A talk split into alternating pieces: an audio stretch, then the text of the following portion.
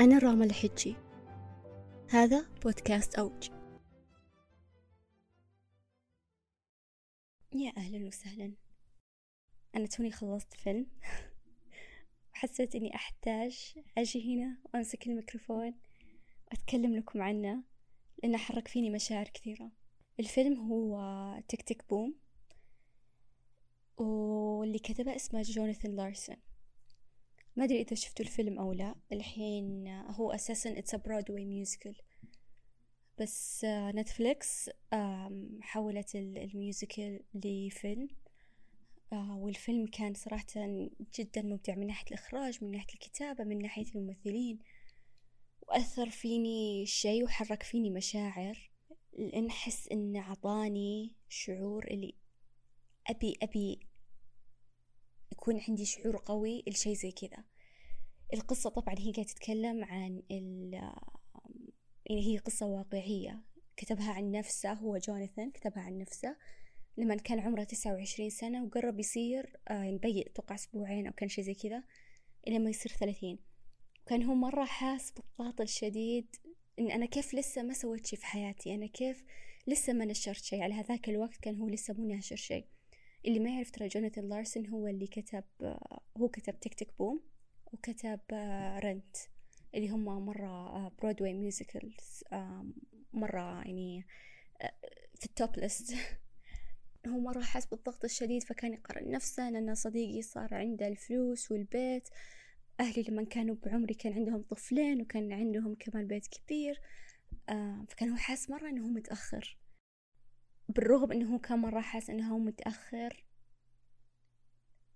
أخذ الإحباط حقه وخلاه كدافع إنه حيشتغل أقوى من أي وقت مضى فما قاعد يتحطم وقاعد حزين وما عارف إيش يسوي. صار مرة مرة قاعد يدف بكل اللي عنده إنه هو يبي يسوي شي بنفسه بهذا العمر الحين. هذا الشي مرة شفته حولي كثير الناس الحين خصوصا الشي اللي مرة عجيب. الناس صارت تحس إنها متأخرة بسن أصغر الناس صارت تحس إنها متأخرة بعمر اثنين وعشرين وخمسة وعشرين سنة. وهذا الشي مرة شفته حولي كثير. وأتفهم لأن الحين العالم صار يمشي بطريقة سريعة. تحسون كل شيء كل شيء صار سريع كل شيء صار فجأة ينفجر.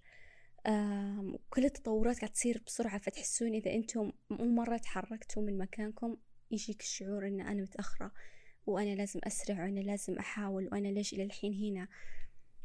آه بس من أحلى النصائح اللي قد جت لي إن كل واحد طريقه الخاص وقاعد يكتب قصته بوقت الخاص. لا تقارن الفصل حقك الأول بفصل الشخص الثاني ثلاثة وعشرين. في ناس ممكن نجحت في عمر اثنين وعشرين في ناس نجحت بالعمر خمسة وستين. كل واحد منا تبدأ تتشكل قصته في وقت مختلف. كل كل شيء خيرة كل شيء بوقته وكل شيء خيرة. فصار عندنا هذه الهوس السرعة. أننا نبي نلحق كل شيء نبي نصير أسرع في مجالنا نبي ليش أنا الحين عمري كذا وأنا ما وصلت لهذا الشيء. وننسى أن أنا قصتي غير عن قصة غيري.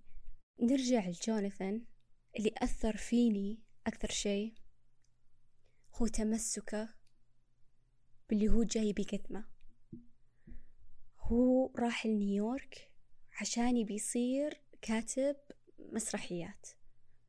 يبي يدخل عالم برودواي بالرغم من إن اللي حوله كانوا كلهم يقولون انه عادي يعني خلاص آه، روح ال advertisement روح للإعلانات تاخذ راتب آه، عالي تاخذ السيارة الفاخرة.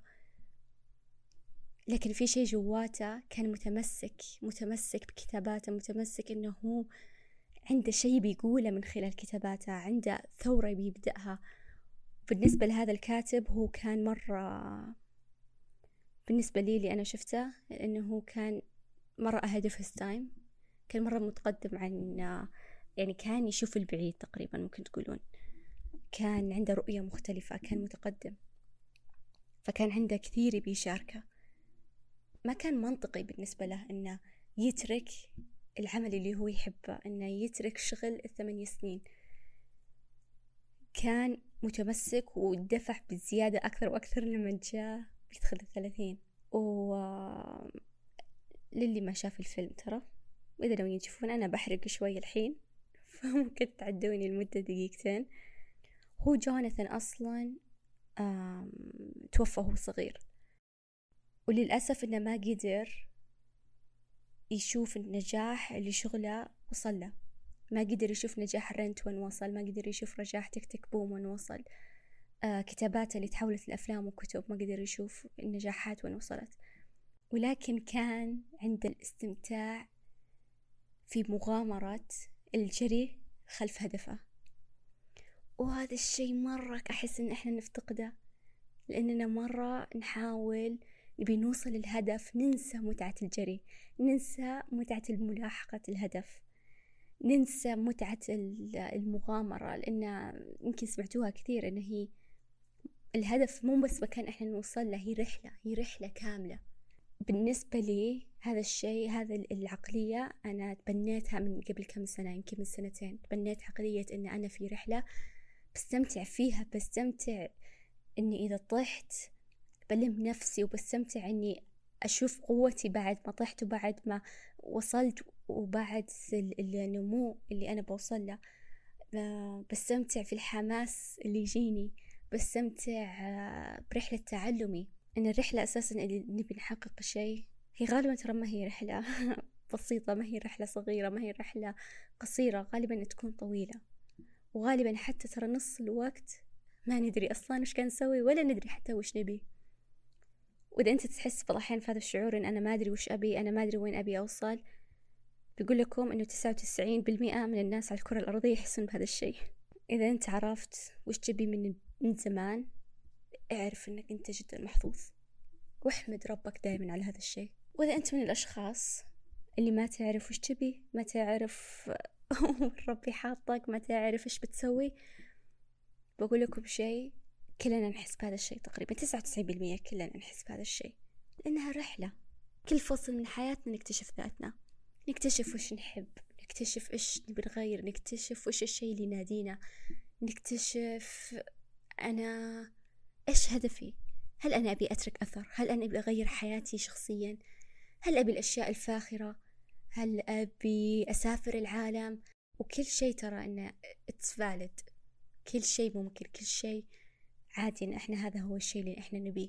وعادي إذا ما عرفنا الحين لأن بعدين مع الوقت مع التجارب تبدأ تكون نفسك أكثر. تبدأ تعرف يعني كأنها تخيلوها إنها رسمة قدامكم بالألوان.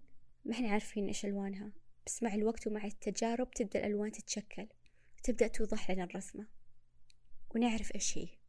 أنا شخصيا شخصيا مررت في هذا الشيء. يمكن أنا قبل ثلاث سنين حرفيا ما كنت عارفة ولا شيء أنا شبي أسوي ماني عارفة حتى تخصص ما كنت عارفة أنا شبي لكن مع التجارب مع القراءة مع المحادثات مع الناس والغرباء آه، والنقاشات القيمة بديت أكتشف وين أحط نفسي في هذا المجتمع وين أحط نفسي في هذا العالم. أنا إيش أبي أقدم للعالم؟ فدايما أنا كنت أقول لنفسي تبني عقلية إيش ممكن أقدم أنا للعالم بدال ما أفكر إيش العالم بيقدم لي وتغير منظوري تماما للعالم تغير منظوري تماما للرحلة. فكانت نرجع مرة ثانية لجوناثان كانت هذه نظرته. كان هو يشوف إنه عنده شيء قدمه للعالم مو إيش العالم يقدمه. ما كان يهمه السيارات الفاخرة أو الراتب العالي. طبعا ترى عادي إذا إن شخص يهمك هذا الشيء بس هو بالنسبة له كان يبي يكتب ببساطة. كان يبي يكتب ويبي الناس تسمع هو وش كتب. كان عنده شيء بيقوله. كان هو يبي يقدم للناس. وترى مو بشرط بقول لكم مو بشرط تلاقون نفسكم بالعشرينات ولا بالثلاثينات. ممكن تكون بأي مرحلة في الحياة. ممكن تكون من واحد صغير يمكن عمره ست سنين وممكن يكون أحد عمره بالثمانينات. اكتشاف الذات اكتشاف الغاية تحقيق الهدف وتحقيق الحلم وتحقيق الرؤية اللي كنا حاطينها لنفسنا. كلها رحلة. ولكن هي تدريب ترى الواحد يتدرب إنه يدرب نفسه كيف يستمتع في هذه الرحلة كيف يطالع هذه الرحلة. ترى عادي إنك تحسون بالهزيمة بعض الأحيان. عادي إذا نحس إننا مشينا خطوة قدام ورجعنا خطوتين ورا. عادي إنه الإنسان يحس إنه لأ أنا أبي أبدأ مرة ثانية مهما كان عمرنا. يمكن في ناس حولي كانوا أفضل قدوة لهذا الشيء إنهم بدوا مرة ثانية. اشتغلوا في المجال شهاداتهم. آه في أحد أعرفه قعدوا عشرين سنة في هذا المجال وقرر أنه يبدأ من الصفر مرة ثانية. لأنه قرر أنه مو هذا مو هذه هي غايته. في شيء ثاني بالنسبة له في شيء ثاني يحمسه في شيء ثاني يخليه يقوم الصباح. متحمس متحمس يروح الاجتماعات متحمس يروح الشغل. فقرر لا أنا ببدأ مرة ثانية عشان أخذ هذا الشعور عشان يجي لي هذا الشعور كل يوم. حاولوا تلاقون الشيء اللي ما يحسسكم بالملل. مو طول الوقت لكن أغلب الوقت. أنا أحس للأمانة ما أحس إنه منطقي إنه في شيء ما يحسسنا بالملل أبدا. لكن أغلب الوقت ما راح تحسون بالملل. بتحسون بالحماس بتحسون إن في شيء جواتكم قاعد يتحرك. بالنسبة لي شخصيا لما أفكر في هذا الشيء إيش الشيء اللي ما يحسسني بالملل؟ على طول يجي في بالي الكتابة. أنا ممكن أقعد بالساعات أكتب. ممكن أقعد بالساعات أقرأ. أعشق الكتب أعشق كتابتها وأعشق قراءتها. أعشق أعشق كل أنواع الكتابة سواء كانت شيء على Broadway musical سواء كان screenplay سواء كانت الكتب العادية سواء كانت مدونات سواء كانت منشورات. كانت الكتب هي مهرب بالنسبة لي لأن بعض الأحيان تحسون ودكم تهربون من الواقع. فأنا صغيرة كنت أروح أخذ القصص حقتي وكنت أحس إني رحت المكان ثاني حرفيا كان أجمل شعور بالنسبة لي وأحلى مقطع بالنسبة لي إني لما أجي أقفل الكتاب ما يروح الشعور يقعد معاك. أقعد متأثرة في هذه الكتب أقعد أفكر فيها. وإذا خلصت الكتاب أشتاق للشخصيات اللي كانت موجودة في الكتب. وإذا خطر في بالي فكرة أتحمس على طول إني أخذ ورقة وقلم وأقعد أكتب أكتب أكتب. فبالنسبة لي هذا الشيء اللي كان دائما يحرك شيء فيني هو الكتابة. مع أن ترى على فكرة الكتابة ما هي وظيفتي الأولى. آه هي بالنسبة لي يمكن تقولون أكثر كهواية. أحس لو كنا بعالم ثاني بتكون هي وظيفتي الأولى وبتكون هي وظيفتي الوحيدة. لكن أحس أنا مرة بنعمة كبيرة لأن قدرت إني أحب أكثر من شيء واحد.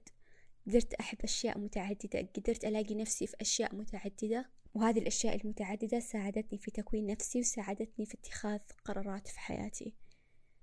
ترى في ناس عادي ممكن يكون عندهم شيء واحد يحركهم في ممكن يكون أكثر من شيء. فأقول لكم مرة ثانية أنا الحمد لله إني في أكثر من شيء يحسسني إن متحمسة إني أقوم الصباح متحمسة إني أسوي شغلي متحمسة إني أروح الاجتماعات. الحماس مو دايما موجود.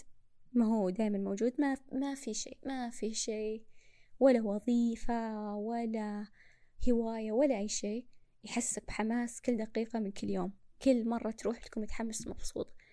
ترى بتيجي أيام نتحلطم بتيجي أيام بنحس إننا ما نبي نسوي هذا الشيء مرة ثانية.